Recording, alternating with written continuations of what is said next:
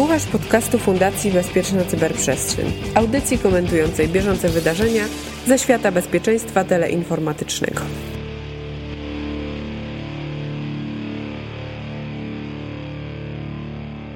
I co? Ten tort z okazji setnego wydania to każdy upiecze sobie indywidualnie? No na to wychodzi. Trzeba na listę zakupów, żeby nie zapomnieć, bo jak się raz na tydzień albo dwa tygodnie jeździ, to później niepotrzebnie będziemy ryzykowali. Wiesz co, może na znanym portalu aukcyjnym poprosimy o tak dystrybucję. Po, po tam Tort. jeden tort i tam rozesłać na, To wiesz, to, na dużo no kawałków, właśnie o to chodzi, tutaj na, na kuriera więcej wydamy niż na tort. Co się nie robi dla setnego odcinka. To jeszcze nam zostało sześć odcinków na decyzję, bo z okazji wirusa wróciliśmy na studia indywidualne ze swoich domowych studiów. Witają Mirek Maj i Łukasz Jachowicz i zapraszamy na 94. spotkanie z podcastem Cyber Cyber. Mirku, ostatnio rozmawialiśmy o hienach. Czyli osobnikach, którzy czy które próbują wykorzystać e, kryzys dla zysku. Ich aktywność, z tego co widzę po sytuacji swoich klientów, a nawet w moim spamboxie, rośnie. I to nie chodzi tylko o masowe maile informujące o cudownych sposobach walki, walki z koronawirusem, ale też się nasiliły chyba kampanie spearphishingowe. Łącznie z tym, że, że ludzie, znaczy ludzie, no ci, ci, ci złodzieje, korzystając z braku takiej bieżącej komunikacji wewnątrzfirmowej, zaczynają inwestować w prepaidy i instalować sobie WhatsAppa i podawać je za management w kontaktach z niedoszłymi ofiarami. Zdecydowanie to się nasiliło i myślę, że niestety będzie się bardziej nasilało. Wszelkie te naiwne spostrzeżenia z pierwszych dni o tym, że mamy tutaj do czynienia z jakimkolwiek przejawem etyki ze strony cyberprzestępców i e, no, nie będą w tych trudnych czasach atakowali, a już na pewno nie będą atakowali placówek służby zdrowia, no to już można sobie między bajki włożyć. E, Co więcej, nawet niektórzy obserwują wzmożony właśnie na sektor służby zdrowia ataki, no bo wiadomo zawsze, że ci, którzy są w największych potrzebach, mają największą skłonność do tego, żeby w trybie awaryjnym podejmować trudne dla nich decyzje i mieć dostęp do większych budżetów. I to niestety się e, odbywa w sieci. No, no, chyba nie musimy komentować. Zacząłeś od dobrego stwierdzenia o tych hienach, które już wcześniej wprowadziliśmy. Szkoda w ogóle, no, przykre to jest. To, natomiast ważne jest też to, żeby zwrócić uwagę na e, pojawiające się nowe kanały i nowe sposoby prowadzenia ataków i to też również ma miejsce przy okazji bieżącej sytuacji kryzysowej. To jeżeli chodzi o hieny, to w ogóle zapraszam do odsłuchania epizodu tam dwa spotkania temu. Położenie takiego większego nacisku na komunikację wewnątrzfirmową, żebyśmy wiedzieli z kim rozmawiamy. A jeżeli chodzi o nowe sposoby, no to tu nie chodzi wyłącznie o to, żeby nabroić, ale też szpiegostwo przemysłowe albo psucie spotkań firmowych. Czy komunikacja w dzisiejszych czasach może być bezpieczna? Moim zdaniem tak, ale skoro wszyscy się przerzuciliśmy na rozwiązania, które nie są bezpieczne, nie, nie, zostały zaprojektowane, żeby być bezpieczne, tylko żeby być zaprojektowane po to, żeby być łatwe, to niestety to bezpieczeństwo troszkę spłynęło na dalszy plan i taką ofiarą tego stał się chyba Zoom, który szybko stał się jednym z najpopularniejszych sposobów do, do prowadzenia telekonferencji, bo jest łatwy i wygodny. No i w związku z tym też się stał, wylądował pod szkłem badaczy bezpieczeństwa. No i są, są te problemy Zooma, tylko pytanie, czy one są tak naprawdę bardzo istotne. No to zależy, to zależy, to ja bym odpowiedział, bo to zawsze gdzieś tam w tej teorii bezpieczeństwa mówi się o tym, co jest do stracenia. Prawda? Bo jeżeli tutaj mówimy o pogawędce albo, albo koronawirus party, które też niektórzy robią sobie w firmie, to taki element intruza w skrajnym przypadku, nie, nie chcę go reklamować, ale może być jakąś atrakcją w cudzysłowie nawet, no, natomiast w, w, poważnych sytuacjach, no, na przykład wyobraźmy sobie spotkanie na Zoomie z udziałem gości biznesowych i pojawienie się intruza z nielegalnymi treściami, obscenicznymi treściami, no to nie, na pewno nie wpływa dobrze, a już na przykład wyobraźmy sobie, że to jest spotkanie o, o bezpieczeństwie, tak? I teraz ja, no, no i rzeczywiście Zoom chyba tutaj się pojawił na ustach wszystkich, którzy analizują tą sytuację. Ciekawe, bo chyba nikt dokładnych badań nie zrobił, ale być może dlatego właśnie, że, że Zoom tutaj zaczął wieść prym, jeśli chodzi o te słabe rozwiązania. Jak to jest ciekawe, jak to jest z innymi platformami, natomiast no, wygląda to bardzo słabo, no to punkt po punkcie po prostu najróżniejsze rzeczy z, E, zostały tutaj wymienione, jeżeli chodzi o słabości systemowe, e, o brak szyfrowania, o, o przekazywanie informacji do obcych platform. Tutaj była kwestia Facebooka. To znowu jest ten problem, o którym już wiele, wiele odcinków temu rozmawialiśmy, bo e, jeżeli wykorzystujesz cudze biblioteki, to nie panujesz nad tym, co w nich jest i rozmawialiśmy wtedy, to pamiętam, ale to było z rok tak. temu już, że Facebook do swojego SDK, czyli bibliotek dla programistów, wrzucił mnóstwo kodu, który który przekazywał dane do Facebooka. No i ludzie z Zooma zaimplementowali sobie ten kod, żeby ułatwić logowanie do swojego systemu, no ale zaimplementowali go z całym dobrodziejstwem inwentarza i nagle się okazało, że Zoom przesyła dane do Facebooka, nawet jeżeli z tej części facebookowej nie korzystamy. Zoom no, najwyraźniej po prostu budował cały czas, rozbudowywał swoją aplikację tylko z punktu widzenia nowych celów związanych z funkcjonalnością, popularnością. Tak. Tu nie mam żadnych wątpliwości.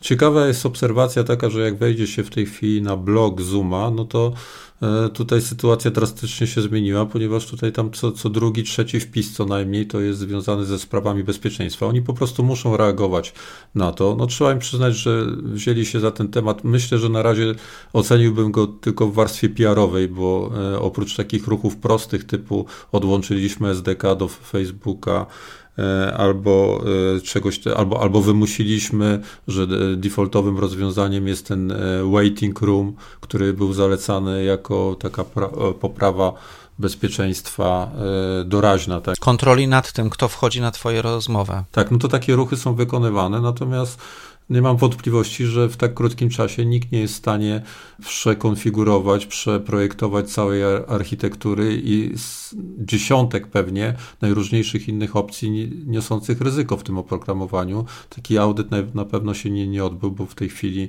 e, albo na przykład przekierowywanie ruchu przez, przez serwery w Chinach, tak, no bo był czas obciążenia, trzeba było wykorzystać wszystkie i, i to też takie zarzuty. Także pełno tego jest, oni na to reagują, ale z drugiej strony też patrzą na cele biznesowe, no bo jeżeli ja widzę wpis na, na blogu Zuma o tym, że e, bardzo zachęcamy do tego, żeby używać naszego oprogramowania w trudnych czasach w sektorze służby zdrowia, no to jak to się ma do tych wszystkich zarzutów i do tych wszystkich kłopotów, gdzie e, mówimy tutaj o sektorze, w którym no, te standardy bezpieczeństwa no, powinny być wyjątkowo, e, wyjątkowo wysokie, jeśli chodzi o prywatność na przykład, prawda, przekazywanych danych. No kłopot polega na tym, że, że, z takich popularnych i używalnych rozwiązań to chyba tylko no, tak, tak, takie dla wielu osób konferencje to chyba to ktoś robił przegląd i wyszło może tylko jedno takie istnieje, które ma szyfrowanie end-to-end w rozmowie z wieloma użytkownikami. No bo się okazało, że na przykład Zoom, ktoś zwrócił na to uwagę, że Zoom nie ma szyfrowania. No tak. Znaczy ma szyfrowanie, komunikacja między mną a serwerem Zooma jest szyfrowana między serwerem Zooma a rozmówcą moim jest szyfrowana, ale na samym Zoomie ona jest na chwilę rozszyfrowywana. Jedyne, co jest tak naprawdę bezpieczne przed oczami, gdyby ktoś zaatakował serwer Zooma, to jest czat Zoomowy, bo on rzeczywiście jest szyfrowany end-to-end. I tu znowu jest założenie, e, które stoi u podstaw e, filozofii Zooma, to znaczy ma być to łatwe, więc na przykład się samo podświetla okno, w którym ktoś właśnie mówi, poprawia się w nim jakość, no ale to jest tak zaprojektowane, że serwer zoomowski musi wiedzieć, komu się właśnie, kogo trzeba tam podświetlić I, i tak to zostało wymyślone i trzeba by było napisać od nowa, żeby mieć tę samą funkcjonalność, ale bezpiecznie, no więc, ale w ogóle my się tak czepiliśmy tego Zooma, bo rzeczywiście o Zoom, o Zoom ostatnio wylądował pod lupą, ale to nie jest tak, że wszyscy inni są ok. No pe pewnie, pewnie nie, tak. To po prostu je, je, jest tak, że jak jakiś program staje się popularny, to wszyscy zaczynają e, się mu przyglądać. Co więcej, zaczynają na przykład tworzyć jego klony. Klony, które mają na celu wykradzenie Twoich danych. I na przykład pojawiło się mnóstwo aplikacji z Zoom w nazwie, które są aplikacjami złośliwymi.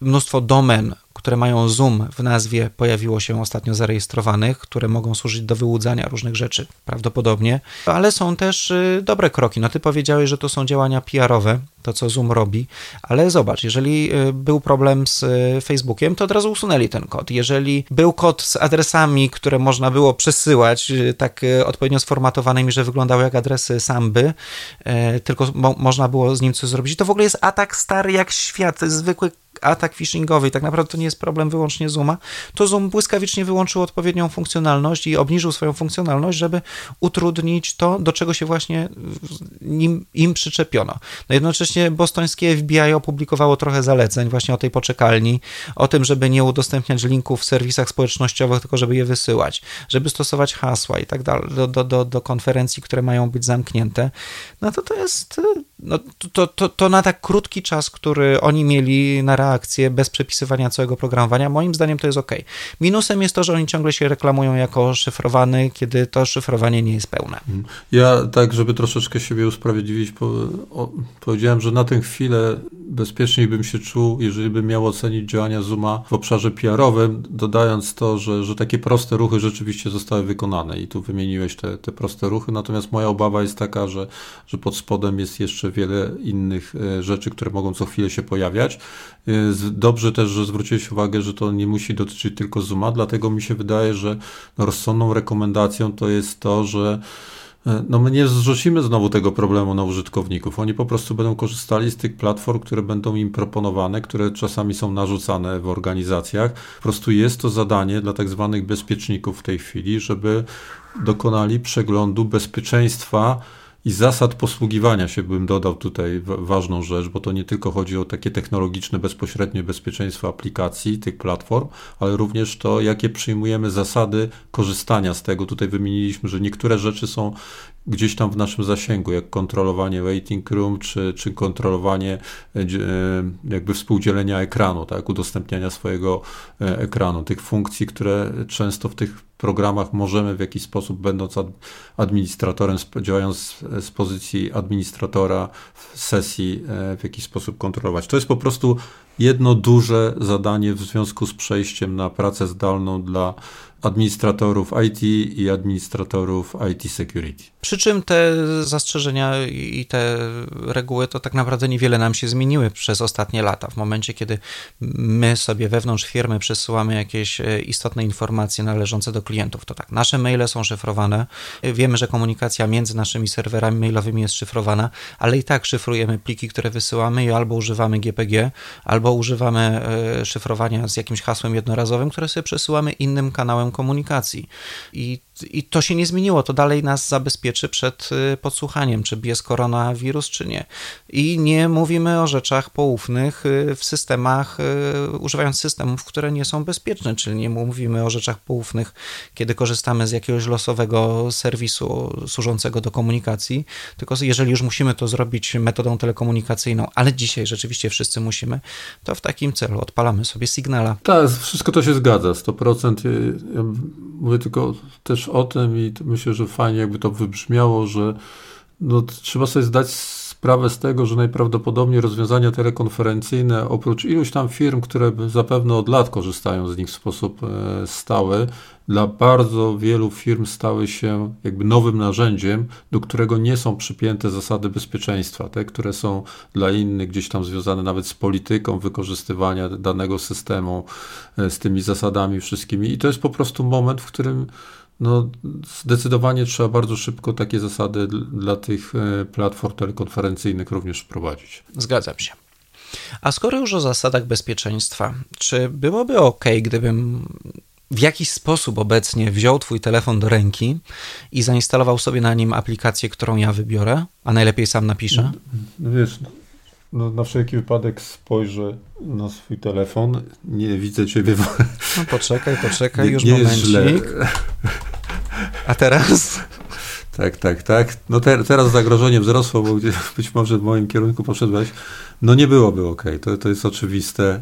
Ja już pomijam oczywiście, że mam nadzieję, żebyś łatwo nie, nie przełamał tych podstawowych zasad, które wdrożyłem, żeby się dostać do tego mojego telefonu. Okej, okay, no, no ja bym się poczuł trochę jak w Chinach, e, gdzie żeby poruszać się po mieście i korzystać z jego udogodnień, czyli na przykład wejść do metra, to musisz zainstalować aplikację, która cały czas śledzi, co robisz, gdzie się poruszasz oraz nie wiadomo, co jeszcze robi e, i daje ci zielone, żółte lub czerwone światło, jeżeli chodzi o poruszanie się po mieście i teoretycznie taka aplikacja powinna być wykorzystywana tylko tylko do zapewnienia bezpieczeństwa w czasach zarazy, a w praktyce się okazało, że ona jakieś dane przekazuje do serwerów państwowych. Zresztą Chiny mają rozbudowany monitoring wizyjny, więc oni by sobie mogli te dane tak naprawdę i tak mają, bo, bo wyciągają sobie z kamer. E, swoją drogą, nie wiem, czy słyszałeś, że założenie maseczki już niewiele pomaga, bo algorytmy e, wykrywające, kto jest kim, poprawiono tak, że nawet jak osoba ma maseczkę, to tam 90 parę procent już jest skuteczności. No to nie słyszałem, ciekawe. To, to, to, to jest bardzo martwiące i przypomina mi się znowu książka Mały Brat, gdzie żeby uciec przed monitoringiem, to na przykład sobie człowiek wkładał kamienie w buta, e, żeby zacząć kuleć i chodzić w inny sposób. Ale maseczka i okulary to już chyba. E, Ale pamiętaj, że masz jeszcze tak, masz sylwetkę, masz sposób chodzenia. Jak, jak masz w mhm, swoim otoczeniu tak, tak. osobę ze słabszym wzrokiem, to ją zapytaj. Ona bardzo często poznaje kogoś z daleka, nie widząc jej twarzy, tylko po sposobie chodzenia, no bo inaczej sobie nie poradzi.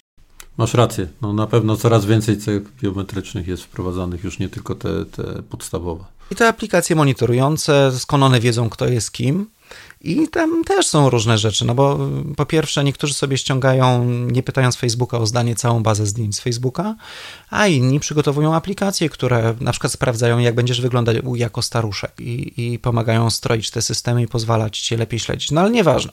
Mamy to Chiny, mamy Izrael, gdzie zezwolono państwu na wykorzystywanie danych y, od operatorów GSM, żeby sprawdzić, kto gdzie był, ale tam dano taki warunek, że państwo ma tylko 30 dni na skorzystanie z takiego prawa, po to, żeby sprawdzić, jak tam się epidemia rozwija, kto się z kim spotyka. No a w Polsce prawo nakazało e, osobom w kwarantannie, jeżeli mają telefon e, odpowiedni, e, nakazało zainstalowanie aplikacji. Aplikacji, która robi nam geolokalizację, którą sobie robimy selfiki, która przesyła nam polecenie, że mamy 20 minut na zrobienia selfika i która, no właśnie, która nie wiadomo co, ponieważ mnie bardzo zmartwiło to, że nie mamy dostępu do kodu źródłowego tej aplikacji, bo państwo ją kupiło w dwa dni, w trybie tam bezprzetargowym ma takie prawo, ale zdaje się, że nie przejęło praw do kodu źródłowego, nie może go nam udostępnić i każe nam instalować coś, o czym nic nie wiemy.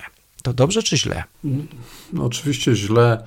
Ja gdzieś tam popełniłem takiego tweeta, nawet przyglądając się trochę, myśląc o tym, co, co tu się wokół tego dzieje. No i dla mnie jest oczywiste, tak jak tam napisałem, że ta sytuacja będzie wykorzystywana przez wszystkich, którzy tylko mieli do tej pory w głowie, a nie mało takich e, osób czy instytucji jest, które marzą o tym, żeby zwiększyć różne techniki inwigilacji obywateli do tego, żeby pod e, płaszczykiem, ja nie mówię, że było jasne, tak, nie mówię teraz o tej konkretnej aplikacji, nic tutaj nie, nie chciałem w ten sposób zarzucać, tylko mówię o tym, że po prostu taki trend będzie w tej chwili, on już się zarysował i no zadaniem drugiej strony jest to, żeby w sposób racjonalny, czyli myślę tutaj o tym, że rozumiejąc również obecne potrzeby, znaleźć rozwiązanie dla tego, żebyśmy po prostu za chwilę nie, nie utonęli w beznadziejnych rozwiązaniach, błędnych, niezgodnych z dotychczas pojmowanymi standardami, e, tylko dlatego, że jest sytuacja kryzysowa, a one później w sposób e, domyślny przejdą na stałe do, do naszego życia. To mi trochę przypomina rok 2001, gdzie w Stanach Zjednoczonych wprowadzono mnóstwo systemów, na które. Tak, Patriot Act. Wydawałoby się w latach 90., że nikt się nie zgodzi, i, i, i zaczęto śledzić e, ruchy Amerykanów, co wcześniej było nie do pomyślenia. No i potem wyszło, że wydano setki milionów dolarów na system, który śledził Amerykanów i całe dwa e, wydarzenia, w całych dwóch śledztwach się przydały informacje zyskane przy śledzeniu całego narodu. Także to było coś niesamowitego. Jeżeli chodzi o inwigilację, no to możemy mieć takie systemy jak ta obowiązkowa aplikacja kwarantanny. Możemy mieć też systemy, które działają dosyć inteligentnie, e, zbierają dane o tym, gdzie, gdzie się znajdujemy, ale zatrzymują sobie te dane właściwie, znaczy nie gdzie się znajdujemy, tylko czy w naszym otoczeniu są użytkownicy podobnej aplikacji i w momencie, kiedy ktoś z nas, czyli na przykład użytkownik podobnej aplikacji, e, okaże się chory, informacja o tym, że nie wiem, urządzenie o takim ID należało do człowieka, który jest chory, to w momencie, kiedy w, w historii mojej aplikacji są informacje o kontaktach, że byłem blisko takiego człowieka, to mój telefon mnie zaalarmuje, hej, zbadaj się, bo byłeś obok osoby, która e, obecnie się leczy. I takie e, systemy widziałem, że najpierw zostały stworzone w Izraelu. Taki system w ogóle teraz powstaje w Polsce. Jest to system, który był reklamowany przez Ministerstwo Cyfryzacji. To jest system, który e, po pierwsze nie wysyła danych o tym, co robimy do jakiegoś dziwnego serwera gdzieś, a po drugie ma otwarty kod źródłowy, więc można zobaczyć, co tam jest w środku i czy on rzeczywiście robi to, co obiecał. No i ostatnio Analizując internet, znalazłem, Mirku, twoje nazwisko pod y, siedmioma filarami zaufania na stronie Panoptykonu. Ja, Łukasz, twoje znalazłem. A, a, a zaraz pod nami był y, Bartek Paszcza z Klubu Jagiellońskiego, zresztą znany z podcastu Sceptech. Bartku, opowiedz nam coś o tych siedmiu filarach, na które się, z którymi się z Mirkiem zgodziliśmy. Żebyśmy wiedzieli, pod czym się podpisaliśmy, prawda, Łukasz? Cześć Wam, cześć e, wszystkim słuchaczom. Bardzo miło tutaj e, gościć. No więc te siedem filarów wzięło się z takiej dyskusji, którą mieliśmy, którą pewnie wielu z Państwa śledzących e, to, co się dzieje w naszym technologicznym świadku w czasie pandemii, również e, dostrzega. Czyli e, wiemy, że technologia może nam e, w jakiś sposób pomagać w walce z koronawirusem. Pomysłów na różne narzędzia na całym świecie pojawiło się wiele. Wiele z nich czerpie również z jakiegoś chińskich, chińskich modeli zarządzania prywatnością, czyli jej pewnego braku. Więc Oczywiście ta szansa na pomoc nam w walce z pandemią niesie też e, bardzo jasne i zrozumiałe zagrożenia, to znaczy możemy się pozbyć tej prywatności. W dyskusjach na ten temat, co już przekracza pewne granice, co jeszcze jest dopuszczalne, w jakim trybie powinniśmy reagować na takie pojawiające się również w Polsce inicjatywy, padł pomysł, żeby właśnie, właśnie ze strony Kazi Szymielewicz Panoptykonu, żeby może określić sobie takie, takie fundamentalne siedem zasad pod którymi jesteśmy w stanie się zgodzić i podpisać i które chcielibyśmy, żeby były stosowane. I te siedem filarów mm, gdzieś nam określa taki, taką bazę, na której możemy budować wzajemne zaufanie. Zaufanie ze strony nas, obywateli, do, do państwowych czy stosowanych przez państwo rozwiązań technologicznych w dobie tej walki z pandemią. Nie wiem, czy chcemy przytaczać je po kolei, czy jakoś o nich porozmawiać. Ja myślę, że weźmy te najważniejsze, bo my do nich odeślemy e, naszych słuchaczy, a, a niektóre są dosyć istotne, bo, e, bo dotyczą tego, czy te dane będą wykorzystane, czy państwo będzie w stanie wykorzystać te dane tylko po to, żeby walczyć z pandemią, czy też będzie mogło je lub ktoś inny wykorzystać po to, żeby e, dokładniej śledzić, co robimy oraz gotować nas, podgrzewać nas w takiej coraz cieplejszej wodzie, żebyśmy się przyzwyczajali do pewnych rzeczy.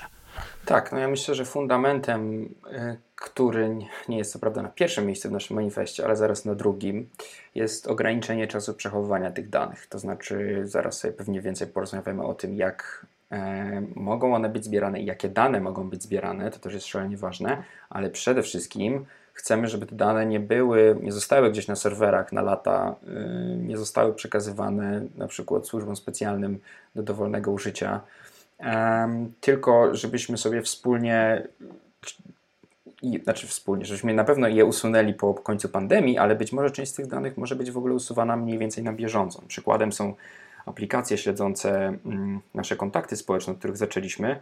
W ich przypadku przechowywanie danych na temat różnych spotkań z innymi osobami powyżej 14 dni raczej nie ma sensu. W sensie, jeżeli przyjmujemy te 14 dni jako taki okres zakażenia czy okres y, fundamentu do kwarantanny, tak.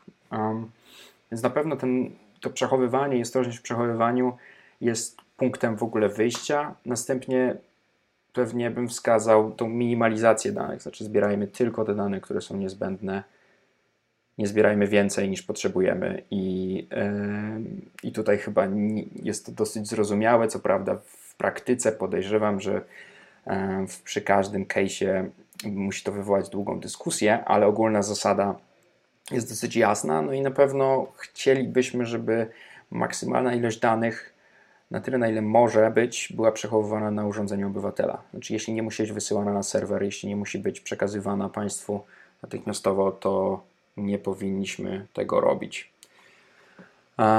To są takie trzy fundamenty danych, których bym tutaj zaczął przydaje się głos e, ekspercki. E, wszystkim się wydawało kiedyś, kiedy myśleli o tym, jak zrobić takie coś, co śledzi, z kim się spotykam, że e, trzeba po prostu cały czas śledzić lokalizację wszystkich. A z myśl zasady minimalizacji potrzebnych danych wcale coś takiego nie jest potrzebne, bo potrzebna ci informacja, jakie urządzenia spotykałeś po drodze, a nie gdzie byłeś. I wtedy jest trudniej odtworzyć twoje kroki, ale łatwo jest stwierdzić, z kim się spotkałeś. Tak, do, do, dokładnie mi się podobają te zasady, bo one też pokazują. Jak pewne rzeczy mogą być osiągane w skuteczny sposób przy zachowaniu e, tych elementarnych zasad bezpieczeństwa i również e, na przykład prywatności, bo tu w szczególności o to e, nam chodzi. Ja bym zwrócił uwagę, jakby mówimy też tak jak, jak Łukasz powiedział, no nie chodzi też o to, żebyśmy wymieniali wszystkie. Ja bym tylko zwrócił uwagę na tą e, szóstą zasadę, otwartość kodu, bo ona tak naprawdę jest poniekąd uniwersalna, dlatego że jeżeli my doprowadzimy do tego, że ten kod będzie rzeczywiście otwarty, no to z góry możemy założyć, że publikując ten kod musimy liczyć się z tym, że znajdą się tacy badacze, którzy go dokładnie sprawdzą, co w jakiś sposób determinuje, zmusza autorów do e, działania e, bezpiecznego w przygotowywaniu tych tych wszystkich e, aplikacji, najróżniejszych rozwiązań. I, mam nadzieję, że to, tego będziemy mocno e, trzymali. Dla mnie też jest ważne, bo tak, niektóre rzeczy możemy technicznie sprawdzić, ale tutaj, tak jak e, Bartek mówiłeś o tym ograniczonym czasie przetrzymywania pewnych danych gdzieś w jakichś bazach. No tego oczywiście w samej aplikacji nigdy nie sprawdzimy, bo to już raczej w tych bazach danych będzie, będzie w jakiś sposób skonfigurowane, więc mi się wydaje, że po tym wszystkim, oby jak najszybciej, tak, wszyscy liczymy na to, że trudny czas się skończy e, szybko, że zgodnie z tymi zasadami dokonana zostanie też taka postanaliza i pewien audyt tego, że jeżeli ktoś gdzieś wrzucał to na jakąś aplikację, no to na do jakiejś bazy danych, to teraz co z tymi danymi się dzieje, więc to e, mam wrażenie, że czeka nas długofalowe działanie i taki watchdogging po prostu, jeśli chodzi chodzi o mm, pilnowanie tego wszystkiego, co się wokół e, tej kryzysowej sytuacji dzieje w, obszarze prywatności, bezpieczeństwa, e, rozwiązań teleinformatycznych. Zdecydowana zgoda, ale patrząc troszeczkę też optymistycznie na tą sytuację, mm, ja mam takie poczucie, że być może ta sytuacja kryzysowa, w której się znaleźliśmy, zarówno znalazły się nasze państwa i administracje, jak i my jako obywatele, może właśnie poskutkować wręcz pewnymi nowymi normami, które mm, mogą z nami zostać na lata. To znaczy, wiemy, że przez wiele lat walka o otwartość kodu zamawianego przez administrację w Polsce była trudna i burzliwa. Natomiast obecna sytuacja i na przykład przykład tej aplikacji do śledzenia naszych y, kontaktów społecznych, która już została udostępniona w otwartym y, kodzie na GitHubie, pokazuje, że dzisiaj ta administracja jest również zmuszona do zadbania o zaufanie strony obywatela. To znaczy, ja mogę, mogą przekazać ustawą, żebym zainstalował tę aplikację, ale jeżeli ona jest oparta o Bluetooth, to i tak jestem w stanie wyłączyć ten Bluetooth, umówmy się. E, to jest jedno kliknięcie, to nie wymaga jakiegoś nawet osobnego kompilowania kodu, czy jakiegoś bardziej skomplikowanego e, ruta telefonu. I mogę w dosyć prosty sposób e, oprzeć się przymusowi. Dlatego potrzebujemy pewnej kultury zaufania obustronnej i to jest istotne, a żeby ją zbudować, potrzebujemy pewnych nowych, czy może istniejących, ale rozszerzenia istniejących norm, o których właśnie mówisz. I pewnie mam taką szczerą nadzieję, że być może ta, ten moment otwartości na, na pewne nowe zasady mm, tej relacji państwa z obywatelem zostanie z nami na dłużej, również po kwarantannie jak już usuniemy te dane, które zostaną zebrane. Tak, oby te zasady zostały z nami na dłużej, a nie y, czasem robione na kolanie i y, niebezpieczne rozwiązania. Ja, ja, myślę, że też warto, żeby było powiedzieć, że, żeby tutaj nie robić takiego wrażenia, że znowuż po prostu tu jacyś e, aktywiści e, wszystko psują i nie pozwalają działać. No generalnie rzecz biorąc, zwróćmy uwagę na to, że rzeczywiście wiele z tych, z tych proponowanych funkcjonalności i pomysłów na te aplikacje, na te rozwiązania, to może być skuteczny sposób e, na walkę z, z wirusem, dlatego że to już nie, nie jeden, nawet ze strony ekspertów medycznych, nie jedno takie zdanie słyszałem, że tutaj no, dynamika tego procesu jest taka, że w sposób standardowy, taki konwencjonalny, nie jesteśmy w stanie pewnych rzeczy śledzić i szybko reagować z jakimiś wyraźnymi zaleceniami albo próbą ograniczania zjawiska, więc no po prostu technologia tu bardzo może pomóc, tylko żebyśmy po prostu nie wylali dziecka z kąpielą, jak to się mówi. Mam taką wielką nadzieję, ale mimo wszystko pozostanę sceptykiem, bo śledziłem to, co się działo w Stanach po 2001 roku, że y, niestety nie montujemy sobie bezpieczników, które w prawie y, powinny dzisiaj być. Nie, nie, nie, powstają ustawy, które nie mają bezpieczników y, czasowych na przykład chociażby i aplikacja, do której zmuszani są ludzie instalować, żeby ją instalować, niestety nie jest aplikacją, która spełnia te siedem filarów zaufania. Ja jej osobiście nie ufam, ponieważ nawet państwo, wydaje mi się, nie wie, co w tej aplikacji jest, bo to jest po prostu produkt, który był stworzony z myślą o czymś innym państwo bardzo szybko go zakupiło i to, je, to się chwali, bo jeżeli jest potrzeba, to zadziała, znalazło produkt, który da się przerobić i, i doprowadziło do jego przerobienia, ale kazało nam go instalować, chociaż nie wiemy, co w nim jest. I to jest duży minus i co gorsza widzę, że niewiele osób przeciwko temu protestuje. Wszystkim wydaje się naturalne, że skoro jest e, ograniczenia czasu epidemii, to w takim razie zgadzajmy się na wszystkie ograniczenia. E, kłopot polega na tym, że nikt się nie zastanawia, hej, a może te ograniczenia nie mają sensu i zastanówmy się, jak osiągnąć ten sam skutek yy, za pomocą innych środków. I cieszę się, że powstało te siedem filarów zaufania, ponieważ one pokazują, że można wykorzystać technologię w celu y, śledzenia tego, co się dzieje z, z rozwojem koronawirusa. Y, można y, doskonale wykorzystywać to, co mamy w kieszeni, czyli telefony, a jednocześnie nie zmuszać ludzi do tego, żeby instalowali na tych telefonach soft, o, których, o którym oni nie wiedzą, co on właściwie robi. Ja pozostanę bardzo umiarkowanym i ostrożnym optymistą, mimo tytułu mojego podcastu, który też nawiązuje do sceptycyzmu. Znaczy, oczywiście zagrożenia są i ten przykład kwarantanny domowej e, i jej niespełniania tych siedmiu założeń e, jest tutaj symptomatyczny. Natomiast mam taką cichą nadzieję, że z czasem ta kultura e, zaczyna się, zacznie się zmieniać, czy może już zaczyna się zmieniać, bo jeśli popatrzymy na chociażby tą informację prasową przy okazji tej drugiej aplikacji mm, Protego, która została wypuszczona, tam jednak słowa o zaufaniu się pojawiają wielokrotnie, również jest wspomniana minimalizacja danych. I teraz ważny punkt, e, ja nie, nie, nie chcę oceniać aplikacji Protego, yy, ponieważ jej dokładnie nie przeanalizowałem. Mam nadzieję, że zrobią to ludzie, yy, którzy są w stanie przeglądać ten kod linijka po linijce. Więc na razie wstrzymam się od oceny samego kodu aplikacji, ale jeśli chodzi o założenia, to już jest dużo bliższe tym siedmiu zasadom w mojej opinii niż e, aplikacja kwarantanna domowa. Mm, zobaczymy, co się z tym wszystkim wydarzy i w jakim kształcie to wejdzie, i e, czy faktycznie jakaś kultura otwartości nam się tutaj zrodzi, e, czy też może rozwinie bardziej. Ale bym takie, mam też takie poczucie rosnące w ostatnich dniach, że być może trochę wyszliśmy poza taki fałszywy dylemat, czy idziemy w model chiński, czy w ogóle nie stosujemy technologii do, mm, do rozwiązywania aktualnych problemów naszych społeczeństw. Znaczy, że gdzieś szukamy tej drogi pomiędzy i mówię tutaj nie tylko o Polsce, mówię tu oczywiście w dużej mierze na przykład o całych wszystkich aktywnościach, których w Unii Europejskiej się mnogo pojawiło w różnych państwach w ostatnich dniach no i mam szczerą nadzieję, że gdzieś jakiś kompromis uda nam się utrzeć, e, taki, który, który pozwoli nam nie rezygnować z jakichś naszych fundamentalnych wartości, a jednocześnie z sukcesem stosować technologię do pomocy e, naszej ochronie zdrowia. Z nadzieją patrzę na to, że jest duża różnica i dobry kierunek między kwarantanną a protego i mam nadzieję, że ten kierunek e, będzie rozwijany. A zobaczymy, trzeba, trzeba patrzeć, tak, tu się zgadzam z Łukaszem. To tyle w 94. epizodzie podcastu CyberCyber. Cyber. Za tydzień Kamila, my usłyszymy się za dwa tygodnie. W międzyczasie zapraszamy na stronę i profile społecznościowe Fundacji Bezpieczna Cyberprzestrzeń. Żegnają się z Wami Bartek Paszcza, Łukasz Jachowicz i Mirek Maj. Dzięki, że jesteście z nami. Cześć. Cześć. Trzymajmy kciuki i patrzmy krytycznym okiem.